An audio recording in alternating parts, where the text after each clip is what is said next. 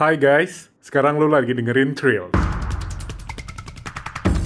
Halo guys, gue Marwan dan ini adalah podcast gue yang pertama di episode yang pertama. Apa kabar guys? Gue adalah uh, apa ya? Suka sekali nonton film, penyuka film. Apa pun gue tonton, asal itu menarik dan rame, gue pasti nonton. Tapi yang gue paling suka adalah film thriller. Thriller, kemudian juga ada uh, actionnya, ada dramanya, kompleks juga punya kekuatan cerita dan juga karakter. Jadi kalau lu belum pernah nonton thriller dan agak sedikit mikir gitu ya. Kalau kalau film uh, sedikit mikir tuh kayaknya penasaran gitu. Setuju dong dengan gue ya. kalau lu nggak suka film mikir, film kan hiburan, ngapain sih harus mikir-mikir? Mungkin lu sempat berpikir kayak gitu. Coba kalau menurut gue, hiburan, mikir juga hiburan loh. Karena kita membebaskan uh, pikiran kita untuk sesuatu hal yang baru.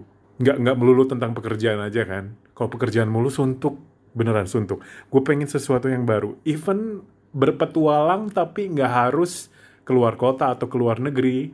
Cukup nonton film, kita bisa tahu segala macam kejadian. Film tuh kejadiannya kan beda-beda ya. Di negara A kejadiannya kayak gini, di negara B kejadiannya gitu. Dan setiap film, even sebenarnya film tuh tema ceritanya hampir sama cuma uh, ada ada kerasa yang beda aja gitu. Uh, ya dibikin bumbunya beda gitu. Ya kayak kayak makanan lah.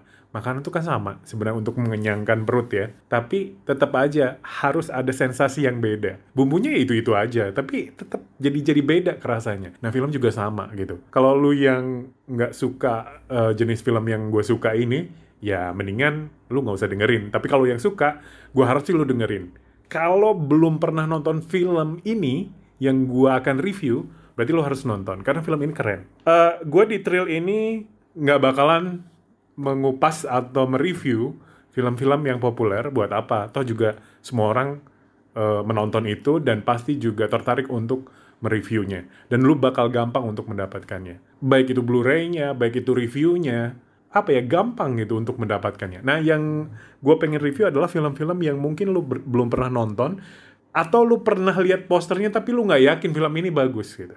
Ya sebenarnya sekarang tuh banyak ya aplikasi atau situs film yang mengupas beberapa film yang dirasa ini berguna untuk uh, penonton filmnya. Kayak imdb.com itu sangat berguna menurut gue. Jadi lu bisa tahu skor atau review dari orang-orang gimana bagusnya film ini imdb.com itu cukup uh, bisa diperhitungkan kok.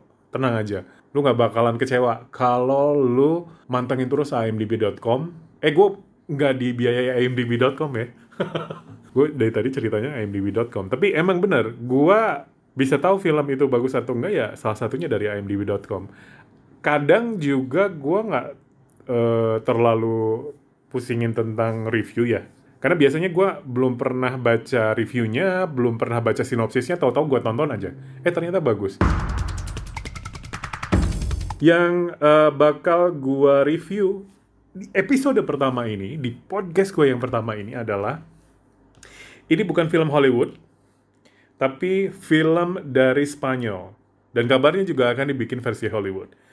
Dan film ini sudah dibikin versi India. Judul aslinya adalah Contratiempo yang dirilis tahun 2016. Di bahasa judul bahasa Inggrisnya adalah The Invisible Guest. Pernah dengar? Kalau pernah dengar tapi belum pernah nonton ya, lu pas banget non, uh, dengerin apa namanya uh, podcast gue. Film ini nggak tahu ya. Ini yang paling membekas sih di tahun 2020 ini. Gue nonton awal 2020 sekitar Januari atau Februari gue nonton ini film ini. Dan sangat membekas. Gue nontonnya nggak terlalu malam sih baru juga jam 8 jam 9 sih. Dan ternyata bagus. Bagus banget. Ceritanya simple. Uh, ceritanya nggak nggak nggak berbelit-belit. Cuma kalau menurut gue ini esensinya adalah orang tua yang berusaha untuk uh, mengungkap kematian anaknya. Bagaimanapun caranya orang tua akan terus menerus untuk mengungkap kematian anaknya, menggali, karena mereka penasaran uh, kenapa anaknya meninggal, kenapa anaknya dibunuh, dan orang tua terus menggali dan akhirnya ketemu siapa pembunuhnya. Nah kurang lebih kayak gitu sih ya uh, inti ceritanya gitu. Dikisahkan di sini ada apa namanya pengusaha kaya raya sukses lah gitu ya. Namanya Adrian Doria yang mainin adalah Mario Casas, di aktor Spanyol pastinya ya. Dia masih muda loh, masih muda, uh, sukses, punya istri cantik, anak yang lucu, tapi ternyata dia masih juga berselingkuh. Di sini juga nggak dijelasin selingkuhannya apakah memang dia sempat pacaran sebelum dia menikah atau tidak, tapi nggak dijelasin juga. Nama selingkuhannya adalah uh, Laura Vidal, yang mainin adalah Barbara Lenny. Dia adalah fotografer fashion, cantik sih, memang cantik. Dibanding istrinya ya 11-12 lah. uh, ya mungkin ya ada sesuatu yang dia dapatkan selain dari istrinya kali ya. Yang berselingkuh kayak gitu nggak? anyway, uh, jadi mereka ini berselingkuh tanpa sepengetahuan istrinya ya iyalah gitu ya, tanpa sepengetahuan istrinya. Dikisahkan di situ uh, mereka berselingkuh dan menginap di salah satu hotel, hotel di puncak gunung yang bersalju gitu. Satu ketika, ketika uh, mereka menginap, Laura meninggal tuh. Ini sebenarnya uh, gue singkat cerita ya. Sebenarnya ada uh, alur yang panjang sih sebelum uh, kejadian itu gitu. Laura meninggal tuh. Uh, datanglah polisi dong ketika kejadian itu. Polisi menggedor-gedor pintu. Buka, buka, buka. Dan polisi menduga Adrian Doria yang membunuh Laura. Karena siapa lagi? Tidak ada orang selain mereka berdua. Laura meninggal, tewas, uh, Adrian lah sudah pasti uh, yang dituduh. Tapi di situ Adrian ternyata pingsan dan ketika bangun dia kaget setengah mati melihat Laura meninggal dan dia teriak-teriak kenapa kenapa dia teriak uh, menangis gitu kan jadi kita jadi percaya kalau Adrian itu tidak membunuh Laura dan ada orang lain di situ. Tapi siapa gitu. Dan akhirnya uh, cerita berjalan berjalan dan scene berlanjut. Dikisahkan uh, sebelumnya uh, di situ ada Adrian dan juga Laura sedang menaiki mobil dan hendak uh, berselingkuh. Jadi Adrian itu me, me bilang ke istrinya kalau dia ke Paris, padahal dia adalah uh, dia sedang berselingkuh dengan Laura. Saat itu dia mereka menggunakan mobil, Adrian uh, menyetir dan Laura di samping dia. Ya, mereka lagi kasmaran, biasa ya. Hubungan terlarang itu selalu uh, menyenangkan gitu ya. Penuh dengan hasrat gitu kan. Sampai-sampai tidak terkendali. Akhirnya mobil mereka nabrak tuh. Nabrak mobil lain gitu. Karena di situ waktu itu juga ada rusa yang melintas. Gue jadi inget uh, film Get Out ya. Di Get Out juga ada rusa yang melintas kan ketabrak gitu. Dan kaget tuh mereka dan ternyata menabrak sebuah mobil. Dan di situ ada anak muda pria pria muda dan berdarah tuh gitu. Uh, Laura mengambil inisiatif uh, menjadi seorang polisi untuk mencatat semua eh bukan polisi jadi uh, pemilik dari kendaraan uh, Adrian dan kendaraan yang ditabrak milik Adrian jadi uh, si anak muda yang ada dalam mobil tersebut berusaha disembunyiin tuh gitu ya.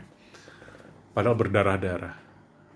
Dan jadi itu itu untuk mengelabui orang yang lewat di situ gitu.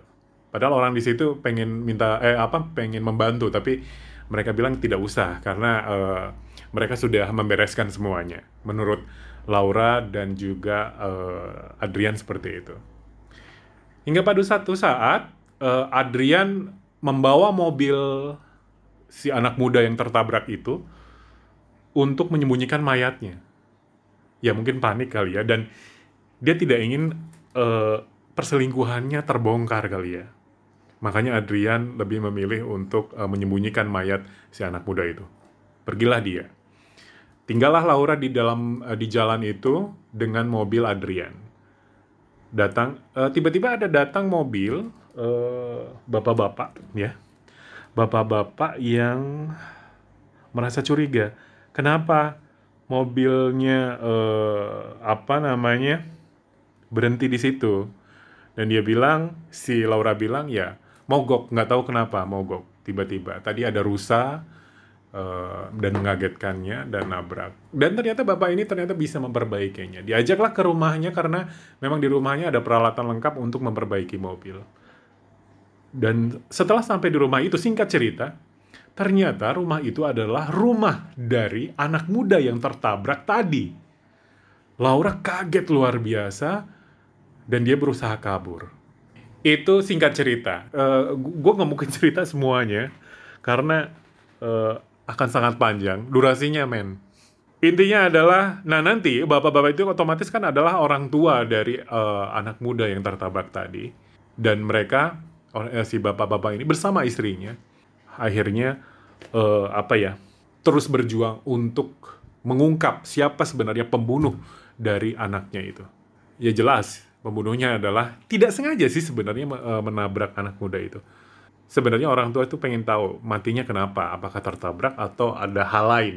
Sepertinya memang ada hal lain. Dan singkat cerita juga Adrian itu menyewa eh, pengacara handal gitu ya.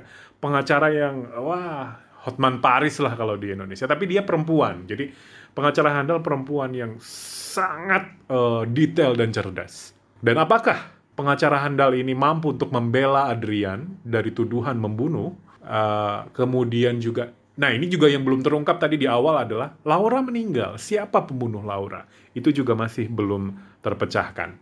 Jadi kejadian Laura meninggal itu sesudah kejadian Adrian dan Laura menabrak anak muda di jalan tadi. Cerita ini berjalan sangat lambat alurnya, durasi kurang lebih dua jam kurang, satu jam hampir dua jam kurang, sangat lambat kurang lebih uh, kalau gue sih ngerasanya kayak Gone Girl. Lu lu masih inget Gone Girl?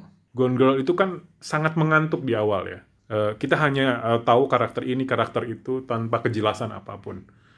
Dan ternyata kalau lu mencermati setiap detail dari scene per scene film itu, dari dialog per dialog film itu, lu akan menemukan jawaban siapakah uh, yang membunuh Laura dan juga siapakah yang uh, eh berhasilkah pengacara tersebut membela uh, Adrian? Karena uh, Adrian ini uh, dituduh membunuh Laura dan juga uh, membunuh anak muda yang orang tuanya kehilangan itu ya. Itu gue sedikit spoiler sih sebenarnya itu. Gue nggak mau ceritain yang anak muda itu tapi oh, itu oke okay lah. Gue uh, keceplosan soalnya. Harusnya cukup Laura uh, pas meninggal aja tapi sudahlah uh, alurnya maju mundur karena di situ diceritakan Adrian bercerita kepada pengacara. Pengacaranya namanya Virginia Goodman. Dia pengacara yang cerdas banget. Dia mendetail sekali bertanya tentang kejadian per kejadian. Dan apakah Virginia Goodman akan berhasil? Nah itu yang menjadi pertanyaan juga. Gue kayak naik roller coaster. Naik pelan ya. Pelan sampai ke puncak. Lihat pohon cemara enggak ya? Tiba-tiba turun langsung. Wah pada teriak kan pastinya ya kan. Wah gitu ya orang-orang ya Nah kayak gitulah nonton uh, film The Invisible Guest. Yang gue rasain tuh benar-benar gue pengen teriak. Gue merinding, sampai sekarang pun merinding. Karena keren banget. Gue nggak nyangka endingnya bakal seperti itu. Dan gue pikir si Adrian pun nggak bakalan nyangka. Ternyata, oh, oh my god, astaga. Dia di film itu berkaca-kaca karena nggak nyangka. Dan gue bisa ngerasain apa yang dirasain Adrian kok bisa sih gitu kan. Yang nonton pun kok bisa sih gitu. Keren banget. Uh, gua harapin lo nonton. Contratiempo atau uh, apa namanya the Invisible Guest. Ini film Spanyol. Kalau lo nggak biasa nonton film yang berbahasa asing dalam artian bukan bahasa Inggris ya nggak masalah sih kalau menurut gue lu nyoba aja. Toh juga lo biasanya nonton drakor kan? Anyway kalau ada bintang 5 bintang gue kasih 5 limanya deh. Beneran keren banget. Film ini endingnya luar biasa. Twist ending, twist ending. Nuansanya udah kayak Inception, udah kayak The Dark Knight Rises.